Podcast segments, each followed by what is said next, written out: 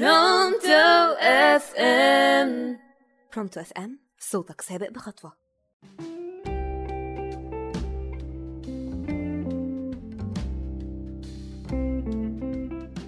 مساء الخير عليكم أنا إنجي عزت على راديو برونتو في برنامج تلسكوب. موضوع حلقتنا النهاردة عن إنهاء العلاقة السامة من حياتي. إزاي أحدد في علاقاتي بالناس الأشخاص الإيجابيين والسلبيين وإزاي أبعد عن السلبيين؟ لو حبيت أديك مثال إزاي المريض بيعرف إنه عنده سم في جسده.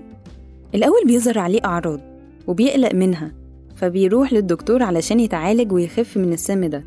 فكر مع نفسك كده لحظة إزاي تعرف الشخص السلبي اللي في حياتك؟ فكرت؟ أنا بقى هقولك إزاي تعرف الشخص السلبي من الإيجابي؟ هقولهم لك باختصار في أربع نقط. أول حاجة راقب نفسي وشعوري وطاقتي سلبية ولا إيجابية وأنا معاهم.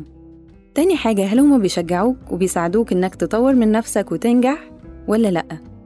تالت نقطة ومهمة جدا إنك تركز فيها هل طول الوقت هما بيركزوا على عيوبك واللي بيضايقك في الكلام ولا بتكون مرتاح وأنت معاهم؟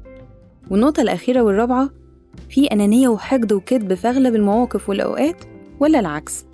لو لسه محتار ومش عارف تحدد الشخص السلبي ده هقولك تعمل إيه. لو جربت انك ترفض تلبيله رأيه أو رغبته هتتأكد من رد فعله اللي هيكون بشدة وعنف إنه شخص سام أكيد.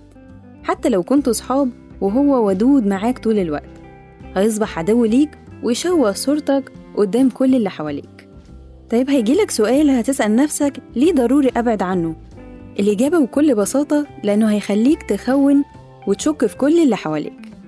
قالت أوبرا مقولة عجبتني بتقول كده لا تقبل بعلاقة لن تجعلك نفسك. أتمنى تكون نفسك وأتمنى تكون حلقتنا النهاردة كانت خفيفة عليكم. كانت معاكم إنجي عزت من برنامج تليسكوب